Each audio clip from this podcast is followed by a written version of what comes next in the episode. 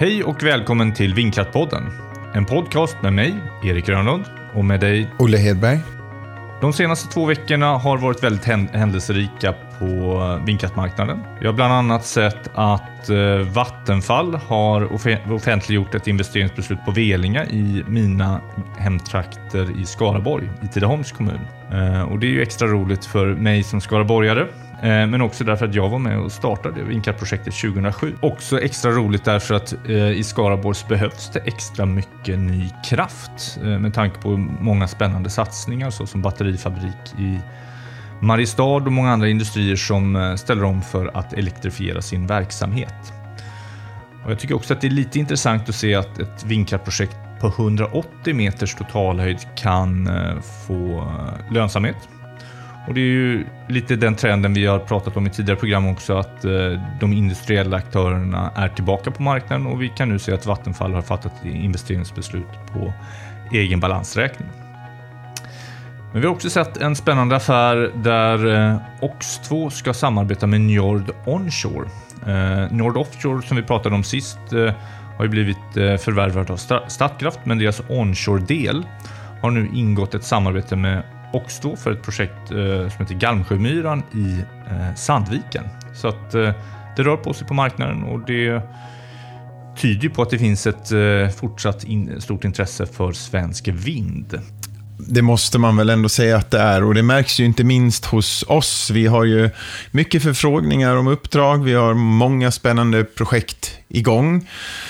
Eh, vi har ju haft förmånen nu också att kunna signa nya anställda, vilket är väldigt, väldigt glädjande. Och att vi ganska snart också får lite hjälp med den här podden som är otroligt rolig och, och har blivit en, en väldigt positiv um, rörelse, får man väl ändå säga. Men att sitta och klippa det sent på kvällarna, det kan gärna någon annan få göra, så det ser vi fram emot. Men jätteroligt, det är bra tryck i branschen, vi har bra tryck här i i, i inboxen så att eh, man kan väl inte vara annat än glad, tänker jag. Ja, ja men det är kul. Det har en riktig rivstart här så att det, eh, det känns som vi har landat rätt.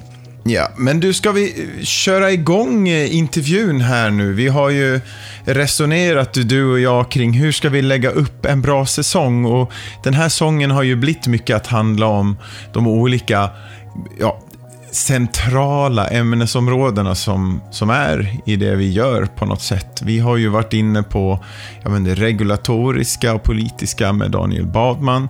Vi har hört eh, Hillevi som företrädare för OX2 som har en otroligt framgångsrik vindkrafts eh, onshore-utvecklare och nu också offshore vindutvecklare. Vi har eh, haft eh, Tove Andersson som representerar miljörätten. Och, och, vi kommer ju fortsätta med de här centrala funktionerna, men någonstans det som i grund och botten vi är här för, det är ju vindresursen. Så vi tänkte, vi måste ha med någon duktig meteorolog som kan beskriva lite, hur, hur fungerar det här med vinden egentligen? Och vem passar då inte bättre än Leon Lee? Som är utbildad meteorolog från Uppsala universitet och som har en gedigen erfarenhet av att inför miljoner människor i TV4s väderruta förklara komplexa vädersystem på global, regional och lokal nivå. Leon Lee har också en spännande bakgrund. Han föddes i Hongkong, sen valde familjen att flytta till Borås. Från Borås bar det av till Arvidsjaur och pilotutbildningen med siktet inställt på att bli pilot. Det fanns inga jobb. Han började visserligen i flygindustrin, men ganska snart hoppade han på Uppsala universitets meteorologiutbildning. Han fortsätter att utbilda piloter inom meteorologi, men jobbade först på Kjeller Vindteknik och nu då på RES.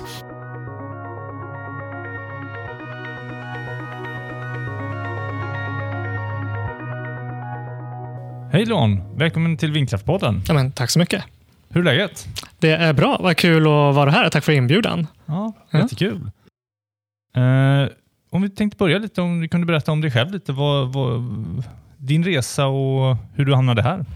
Ja, uh, om man ska göra det lite kort så uh, jag är flygintresserad sen jag var liten. Vi, eh, ja, men, eh, min pappa bodde kvar i Hongkong eh, när vi kom till Sverige. Då. Så fram tills jag var fem så åkte vi mellan Borås och Hongkong rätt mycket, för det var där vi bodde då, i Borås.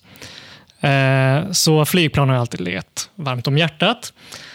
Så då bestämde jag mig för att bli pilot. Så då gick jag den här flygutbildningen som fanns då i Arvidsjaur, en gymnasial utbildning.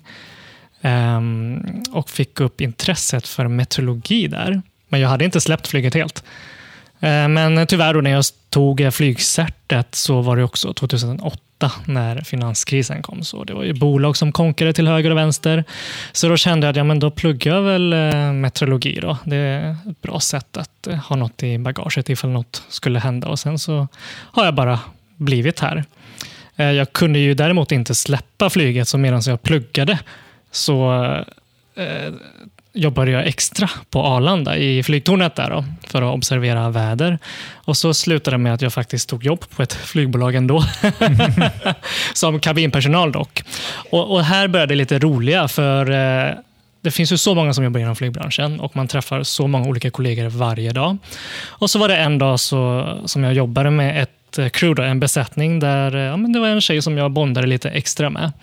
Och så tog det ett år, så sågs vi inte mer efter det. Och så tog det ett år och helt plötsligt så skriver hon på Facebook. Tja Leon, du, eh, min kille han är vd på ett företag som jobbar med vindkraft. De skulle behöva någon som kan meteorologi, som kan jobba hos dem. Eh, så bara på det så råkade jag börja på Kjell Vindteknik mm. och lärde mig vindanalys och sådär. Då. Och så eh, ja, blev det lite annat. Ja, men Sweco var jag på i två år också tills jag hamnade på RES, där jag är nu. Då. Så en lång historia kort. Ja, kul. Men, då, men du är uppvuxen då i Borås förstår jag det som och sen kommit hit till Stockholm? Då. Ja, men eh, precis. Eh, jag gick eh, ja, men uppvuxen i Borås precis. Och så gick jag ju den här gymnasieskolan i Arvidsjaur och så pluggade jag i Uppsala i fem år ungefär. Eller ganska exakt fem år. Och sen du då, vad heter han, Hans eh, som har gjort den här... Hans Bergström? Ja. Ja, ja. Eh, ja men jag precis. Jag har gått för honom också. Jag tyckte det var väldigt inspirerande. Ja, men vad roligt. Ja. Han är väl pensionerad nu tror jag. Ja. Eh, nej, men jag hade honom i klimatologin om jag inte minns fel. Mm. Men du är ju känd från tv också. ja, känd och känd. Nej, men det är väl kul att kunna... Jag, jag tycker så här, väder är ju kul, meteorologi är ju kul, men att förmedla det, är ju ännu roligare tycker jag. För det är ett ganska komplicerat ämne som man ska göra förståelig för en, ja, men en vanlig människa, eller vad man ska säga. Eh, så den biten gillar jag. Och hur hamnade du där då, då? Ifrån flyg in till... Ja, men det var nog faktiskt att jag tog ju examen, eh, men jag tyckte det var så kul att jobba inom flyget, så jag ville inte släppa det. Så enda sättet för mig då att faktiskt få jobba lite med det jag har pluggat till var att ta ett extrajobb och då fanns det en öppning på TV4 då eh, som eh, jag tog helt enkelt. Och sen dess har jag varit där. Kul!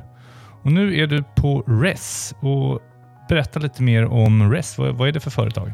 Ja, men eh, RES är eh, världens största oberoende företag som håller på med förnybar energi. Eh, funnits i lite mer än 40 år och just i Sverige då, där jag jobbar för det mesta så, har vi, eh, så utvecklar vi projekt inom teknologier som land och havsbaserad vindkraft, eh, vätgasprojekt, eh, solparker ehm, och utanför Sverige så är också en hel del eh, transmission och distribution. Eh, batterier har vi också i Norden. Vad är din roll där? Vad gör du på, på RES? Ehm, min titel är Technical Advisor, men för att göra det lite så här greppbart så är jag egentligen vind och solanalytiker. Så jag gör beräkningar på vindklimat och ser till så att turbinerna hamnar på de bästa vindlägena givet eh, de här förutsättningarna då, som dyker upp under projektets gång och eh, på motsvarande sätt även för solprojekt. Jätteintressant och vilken spännande bakgrund du har verkligen, eh, Leon. Men jag tänkte, vi har ju idag valt att dela in eh, den här intervjun egentligen i, i tre delar. Först kommer vi gå in lite på frågor kopplat till vindresurs och sen eh, går vi lite in kring klimatförändringarna och hur påverkar det vindresursen och sen är det lite då vindanalytikern. Och sist men inte minst eh, prata lite om kompetensförsörjningen. Men skulle du kunna börja med att förklara för oss och lyssnarna varför blåser det egentligen? Eh, det bygger ju egentligen på att naturen vill jämna ut sig själv. Så på vissa platser så har vi mer luft än andra platser. Då har vi ett högtryck. Man skulle kunna likna det som att man har ett eh, badkar framför sig och så installerar vi en skiljevägg i mitten på det här badkaret. Och så fyller vi ena sidan fullt med vatten upp till eh, kanten. Och på andra sidan så fyller vi bara lite grann. Och då kommer ju den sidan som är fylld, den kommer väga mer. Så om vi skulle lyfta lite grann på den här skiljeväggen nu, då skulle det ju strömma vatten från sidan med högt vattentryck till sidan med lägre vattentryck. Och Så funkar det i atmosfären också, att vi har på vissa platser där det är mer luft än andra platser. Vi har högt tryck och lågt tryck. Och därför vill luften då strömma från det höga lufttrycket till det låga lufttrycket. Sen så finns det lite detaljer som att jorden roterar och då har vi en koreolisk kraft och denna kraften ska då balanseras med tryckgradientkraften och det gör att vi får geostrofisk balans. Och geostrofisk, eh, geostrofisk vind kanske ni har hört ja. gång i sammanhanget. Eh, så det är det det bygger på. Eh, men eh, den geostrofiska vinden bygger bara då på tryckgradientkraften och Corioliskraften. Och när vi pratar vindkraft så har vi också inverkan på marken, alltså friktionen. Så det blir lite mer komplicerat än bara två krafter egentligen. En fråga där. Alltså jetströmmarna, går de alltid eh, i en viss riktning? Eh, eller är det också, alltså jag tänker den här geostrofiska, ja. går de alltid från ekvatorn och norr och söderut? Eller? Ehm, så här, den geostrofiska vindmodellen det är ju en teoretisk modell egentligen för att eh, beskriva vind. Och den eh, gäller väl egentligen eh, ovanför gränsskiktet så att säga. För när du pratar jetströmmar då är vi helt plötsligt uppe i 10 kilometers höjd.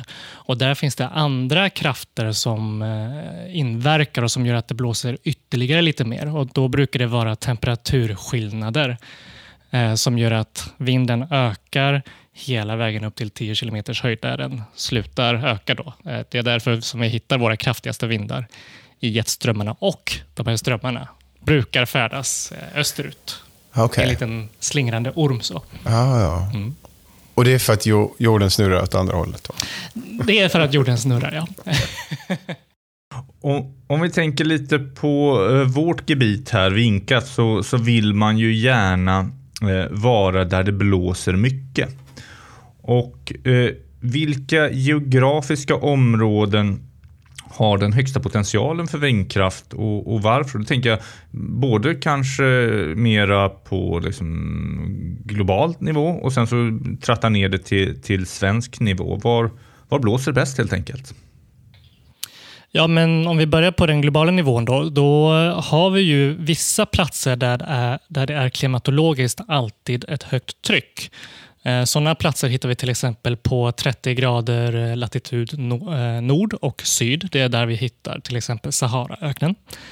Så där blåser det generellt väldigt lite. För kring ett lågtryck så blåser det oftast lite mindre än kring ett lågtryck.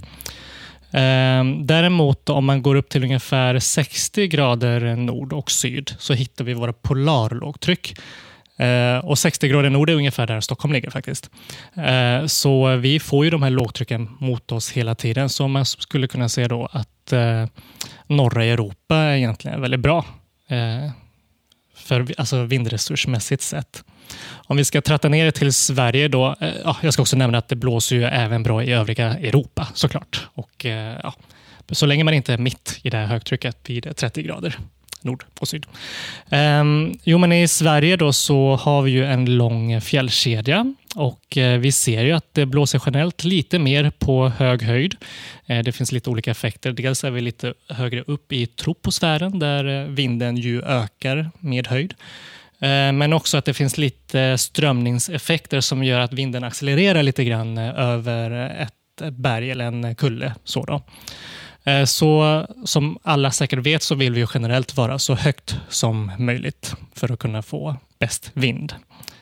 Just det.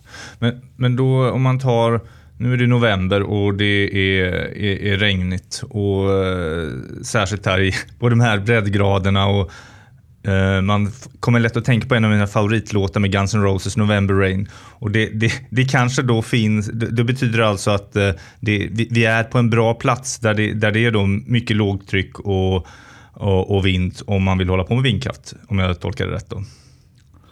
Ja, så skulle jag säga det. Mm. Det låter bra. Um, om vi går vidare för att borra lite djupare i kring, eh, kring vinden. Så hur varierar vindens styrka och riktning beroende på årstiden? Um, om vi tar årstiden då.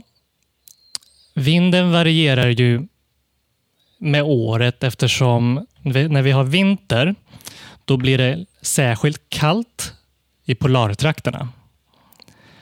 Och vi pratade om jetströmmen eh, förut. Eh, och Den här jetströmmen den blir starkare ju större temperaturskillnader det är mellan ekvatorn och polen. Så under vintern är polen kall. Ekvatorn är fortfarande varm och det gör att jetströmmen är stark. Och De här jetströmmarna driver också lågtrycksutveckling, så lågtrycken blir ju särskilt djupa då, vilket gör att vi har en större tryckgradientkraft som vi pratade om förut. Och Det gör att vinden blåser mer under vinterhalvåret. Eh, och bara för ordningens skull, då, på sommaren så är ju polen mindre kall, men ekvatorn är ju lika varm. Det gör att temperaturskillnaden blir lite mindre under sommaren. Vi får lite svagare jetströmmar och därför blir det inte lika kraftiga lågtryck heller. Det är därför vi pratar om våra höst och vinterstormar. Det är då de inträffar.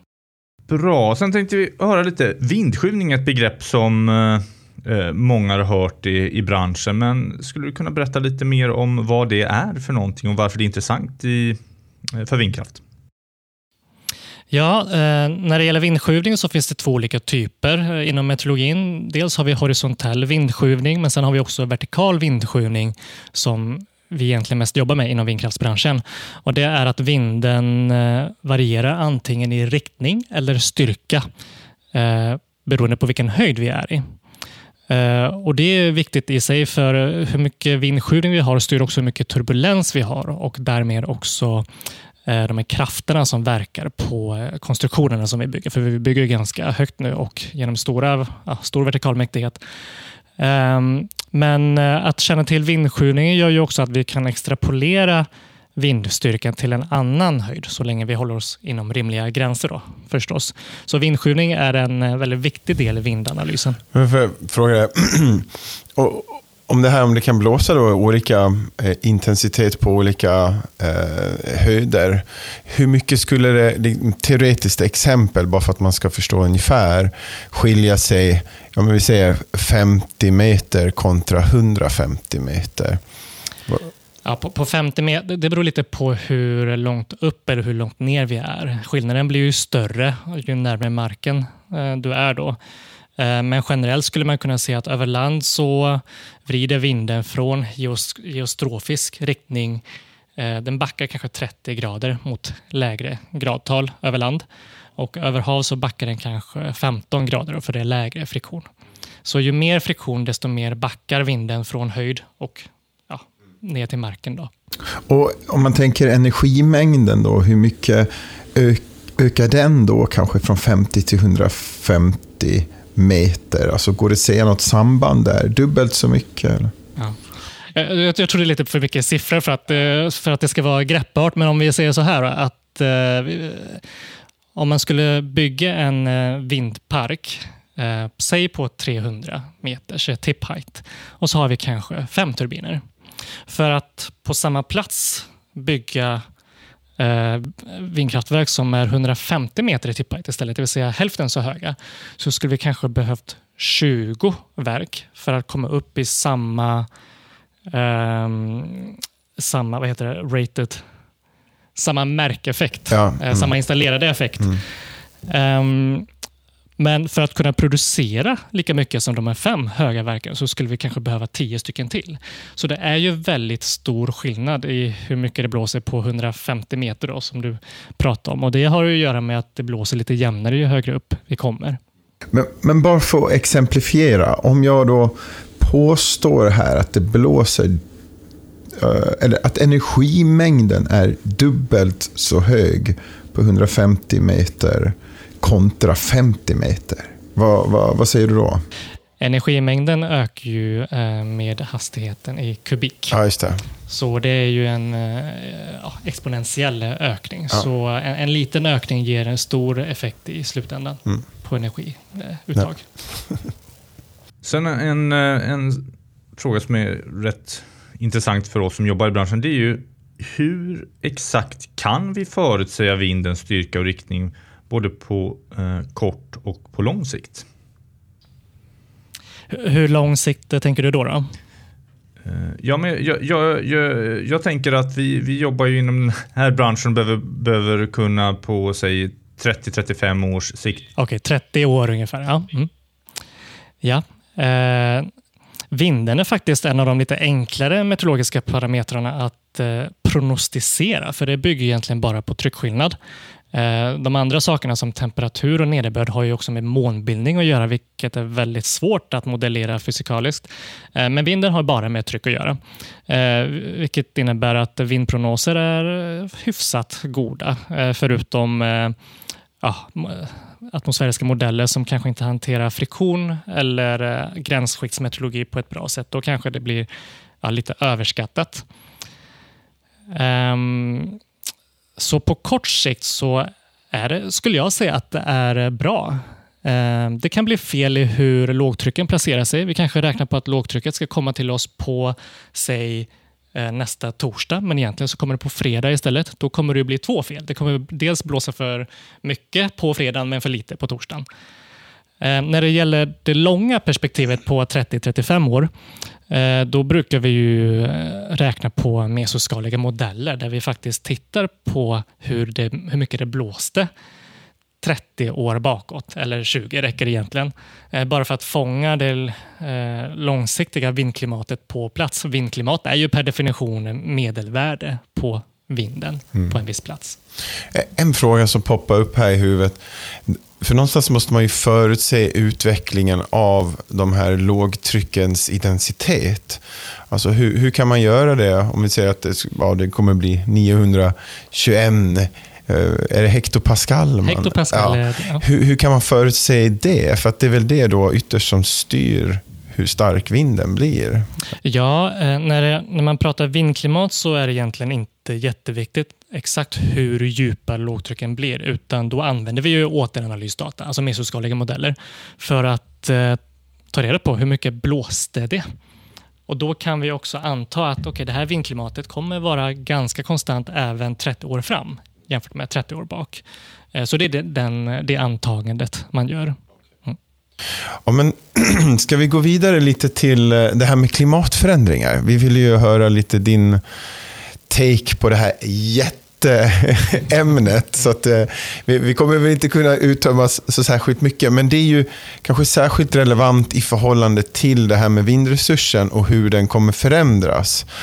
Men om vi börjar med, vad är det som sker med klimatet när nu medeltemperaturen stiger på en övergripande nivå? Då? Och, och det är ju mycket det här vi försöker hålla oss inom 1,5 graders målet. Om vi inte gör det, vad händer med klimatet då? Det som händer eh, är att vi får extremare vädertyper. Det har vi redan sett. Det ser vi redan nu. Eh, för 10-20 år sedan så pratade vi om vad som skulle kunna hända och nu så händer det. Eh, Vi får mycket fler fastlåsta väderlägen. Det som eh, är med klimatförändringen är att eh, den går lite fortare över polerna. Och Det gör att polerna värms upp mycket snabbare än vad ekvatorn gör. Och minns ni vad vi pratade om när det gäller jetströmmarna? Ja. Eh, och då är det så att när jetströmmar blir svaga, då får de också så stora vågor och rör sig lite trögare. Och Det gör att lågtrycken och högtrycken fastnar på ett och samma ställe eh, lite oftare. Till exempel 2018 så hade vi ett, eh, alltså sommaren då, många minns ju den som den varmaste sommaren eh, hittills. Och då hade vi ju ett högtryck som fastnade över Skandinavien länge. Eh, samtidigt så hade Island det året den regnigaste sommaren hittills. Och Det var ju för att eh, högtrycket eh, gjorde så att lågtrycket fastnade där ute över Island. Eh, så vi kommer att få se de här fastlåsta väderlägena oftare. När det väl blir varmt så kommer det bli extremt varmt. När det väl blir regn så kommer det bli extremt regnigt. Och Samma sak så kan det också vara med kyla att när det väl blir kallt så kan det bli lite extra kallt. Och Det låter lite motsägelsefullt, men det har att göra med att den här kalla luften då på grund av högtryckslåsning fastnar mm. på ett och samma ställe. Mm. Och Det här är ju en väldigt central del av men, vi som jobbar med projektutveckling och möta liksom samhället. De här typen av eh, Ja, men egentligen, det är forskning har ju dragits in i det här kulturkriget som pågår. Där man ifrågasätter, ja men egentligen, ja hela det här, eh, de slutsatser som man har kommit fram till. Men vad är din bild? Det är väl ingen Eh, konflikt i, forskar, i forskarvärlden, utan det är väl väldigt belagt de här förutsägelserna. Ja, det, det rår, de flesta är ju överens om det här. Det är, nästan alla är överens om att det här sker. Eh, och Jag tror att på lite högre nivå så är man ändå överens om det. Eh, däremot om du går in på sociala medier och eh, kommentarsfält så är det klart att det är en lite annan bild där. Då. Och Det tycker jag väl är synd, då, för ibland så kan det ju komma argument som att ja, men det har varit varmt på jorden förut. Jaha, men var kommer det argumentet ifrån då? Ja, från samma klimatforskning som faktiskt kommer och nu och säger att men det här sker här och nu, vår globala uppvärmning och vi måste få stopp på den. Eh, så den diskussionen känner jag väl att det är lite onödigt. Eh, men det är klart att vi måste ju, är det någon som inte är påläst, då måste vi också försöka förklara så att det är lättbegripligt. För det är ju en komplicerad forskningsämne. Ja. Om vi då kopplar det här tillbaka till diskussionen här om vindresursen. Hur, hur kommer det här påverka vindresursen skulle du säga? Nej, när det gäller vinden som parameter så har den inte en lika tydlig signal eh, på förändring som temperaturen. Den är ju väldigt eh, märkbar, då, temperaturen. Eh, jag gjorde en kort studie för några år sedan eh, där jag kikade på 50 års klimat på olika punkter i Europa. Och så studerade jag medelvärdet, hur det varierade över åren. Och det som vi såg i den studien då var att det finns variationer över flera år. Till exempel att det kanske kommer ett antal år där det blåser lite Eh, lägre vind. Sen kommer det ett antal år senare där det blåser lite mer än eh, vanligt. Eh, men det fanns inga tydliga signaler på att vinden skulle minska eller öka över den här långa tidsperioden. Då. Samma tidsperiod där vi faktiskt har sett en temperaturökning. Så det är väl lite svårt att säga just nu då det krävs lite mer forskning. Och det jag ska poängtera här också att i den studien så tittade vi bara på årsmedelvärde av vinden. Eh, så det jag pratade om förut med fastlåsta väderlägen, det fångas ju inte upp där. Det skulle ju kunna vara så att vi har flera månader där det blåser mindre och så ett antal månader där det blåser mer. Och om de här månaderna eh, där det råkar blåsa lite, om det råkar komma på vintermånaderna, då dras ju hela året med eftersom eh, vi får ju inte då de här kraftigaste vindarna över året. Just det. Ja, det är så otroligt spännande det här. Man skulle kunna prata hur länge som helst. Men om vi, om vi nu tänker att, ja, men nu har vi pratat lite om vindresursen och klimatförändringarna. Och eh, ganska mycket meteorologen här, eh, Leon, har varit inne. Om vi nu tar på vindanalytikerhatten. Och ehm, eh, ja, skulle du kunna guida oss och lyssnarna här genom hur fastställer man eh, en vindresurs i ett projekt från ja. ax till limpa? Ja. Om vi börjar från den allra första alltså idén då att här ska vi kanske bygga en park. Eh, då finns det antagligen inga mätningar. Eh, det man får göra då är att man kan kika på mesoskalig data och se ungefär hur mycket det blåser för att få en ungefärlig uppskattning på vindresursen och projektvärdet. Eh, där finns det mycket stora osäkerheter. Det är osäkerheter som inte ens skulle vara gångbara när du ska sälja projektet sen. Eh, så, så småningom då när du faktiskt inser att ja, här går det att få till ett projekt med, ja, om du nu lyckas få tillstånd och hur lång tid det nu tar. Eh, sen vill du antagligen mäta Antingen med mast, eller med fjärranalys eller med både och. och. När du väl har mätt, då vet du exakt hur mycket det blåser på den här platsen. Då kan du jämföra den mätningen med en annan referensdata, för du har antagligen mätt i ett år, minst helst. Eh, då jämför du den datan med en annan, eh, ett annat datasätt som är mesoskalig. Då. Eh, till exempel ERA 5 eller något annat. Och Då kan du långtids... Korrigera ERA 5-modellen, den mesoskaliga datan som vi ansåg vara osäker förut, så att den matchar din uppmätta vind. Och Då har du helt plötsligt en eh, dataserie som sträcker sig 20 år bakåt, som är representativ för den sajten du är på. Eh, och Sen så behöver du förstås vertikalextrapolera, horisontalextrapolera vertikal extrapolera, horisontal extrapolera så att du får exakt vind för varje turbinposition och därmed kan du då också räkna på projektvärdet. Ja, men, väldigt intressant. Men bara det här, om man går tillbaka till när masten är där. Då, hur många nivåer behöver man mäta på eh, i regel för att få en bra bild ja, av läget? så att säga? Ja, Eh, för att mäta en vindhastighet hade det varit idealfall där vi har perfekta sensorer och eh, perfekta master som kan bli hur höga som helst utan att det kostar för mycket. Då räcker det egentligen med en sensor. Eh, men eh, vi vill ha redundans i det här, så oftast installerar vi flera sensorer på samma höjd. Och Sen vill vi också räkna på vindskjutning. Då behöver du ytterligare mätning på en annan höjd för att veta hur mycket det skiljer mellan två olika höjder. Och Där vill vi också ha redundans.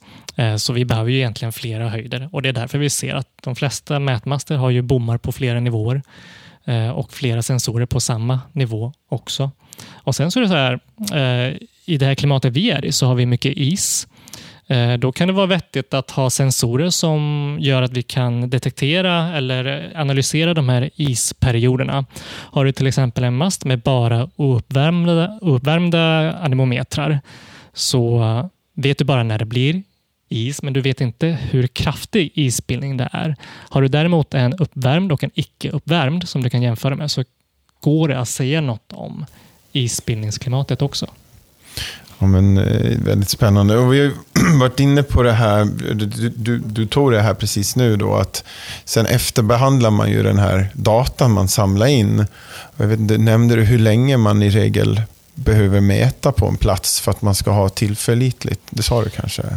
Man bör ha minst ett helt år eh, så att man fångar in alla vintermånader och alla sommarmånader. För om du missar någon månad, då blir det en eh, fel eh, bias mot något håll.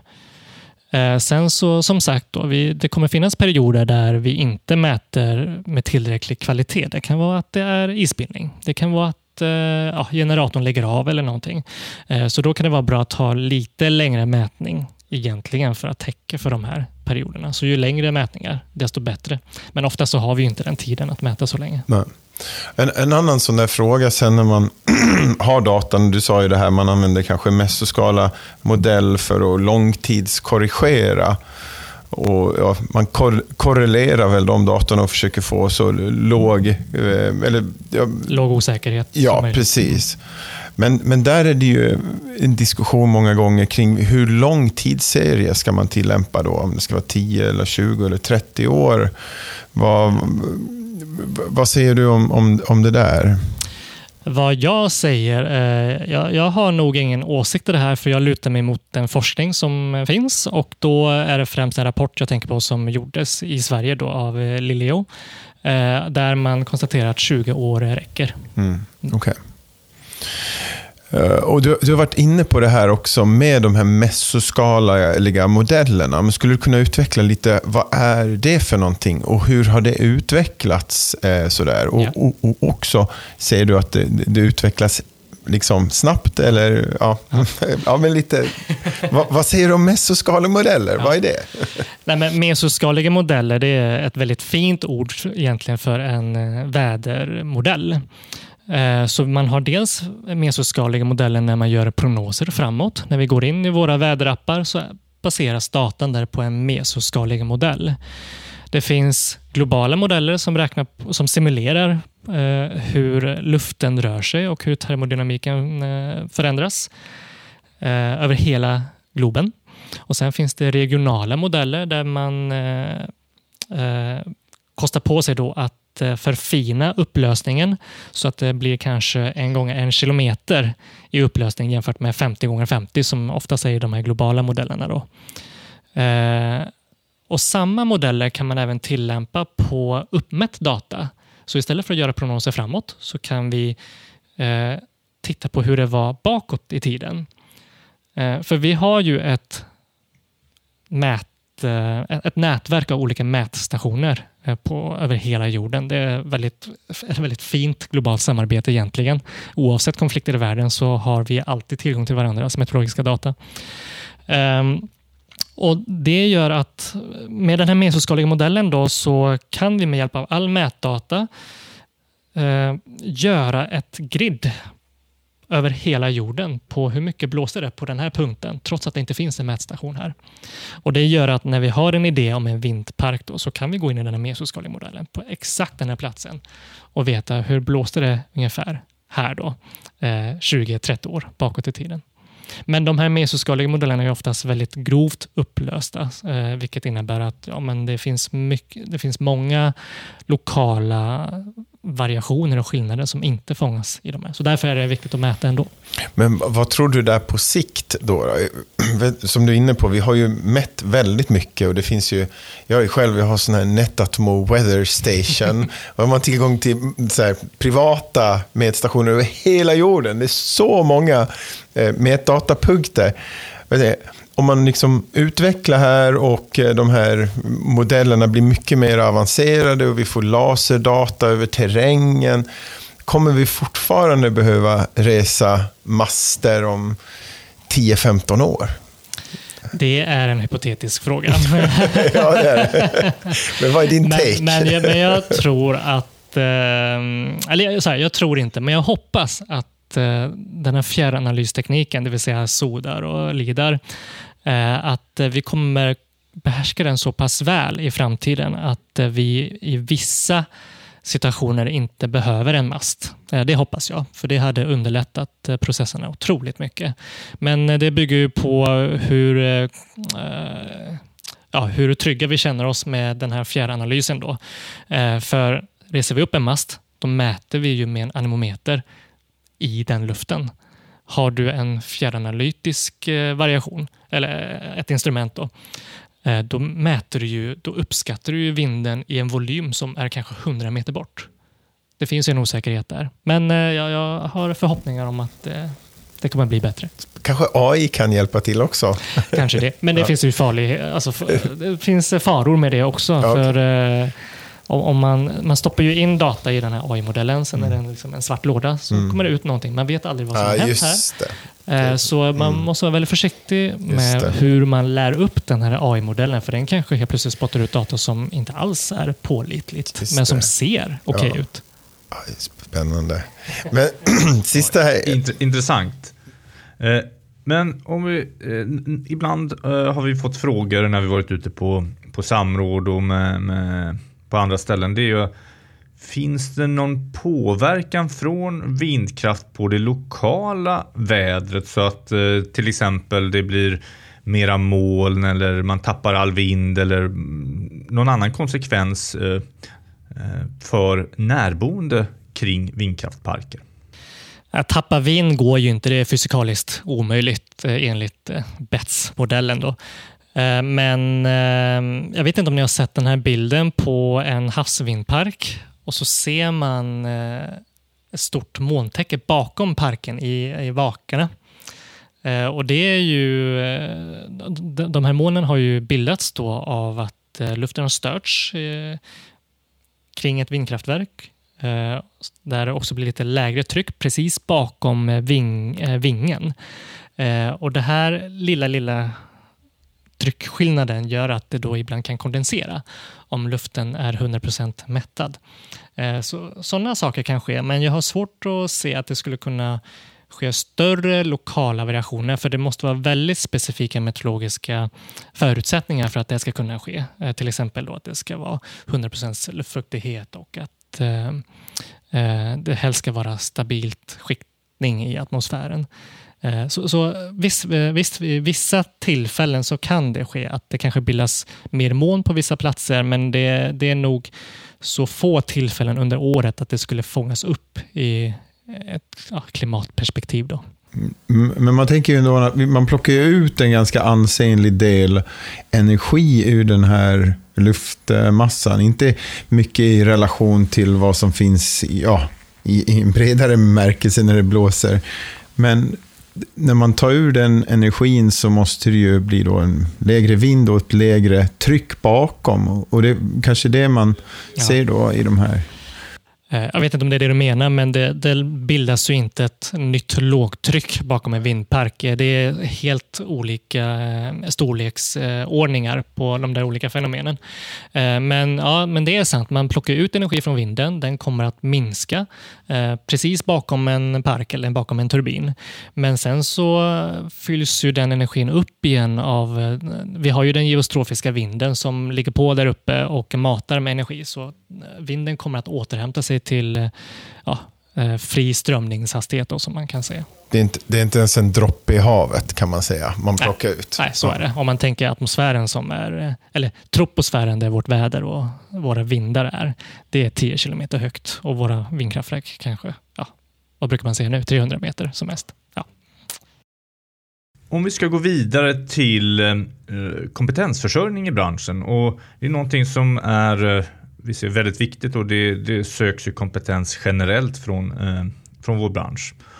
Och eh, du har ju en väldigt lång eh, erfarenhet och, och, väldigt bred erfarenhet som eh, tror jag kan inspirera många.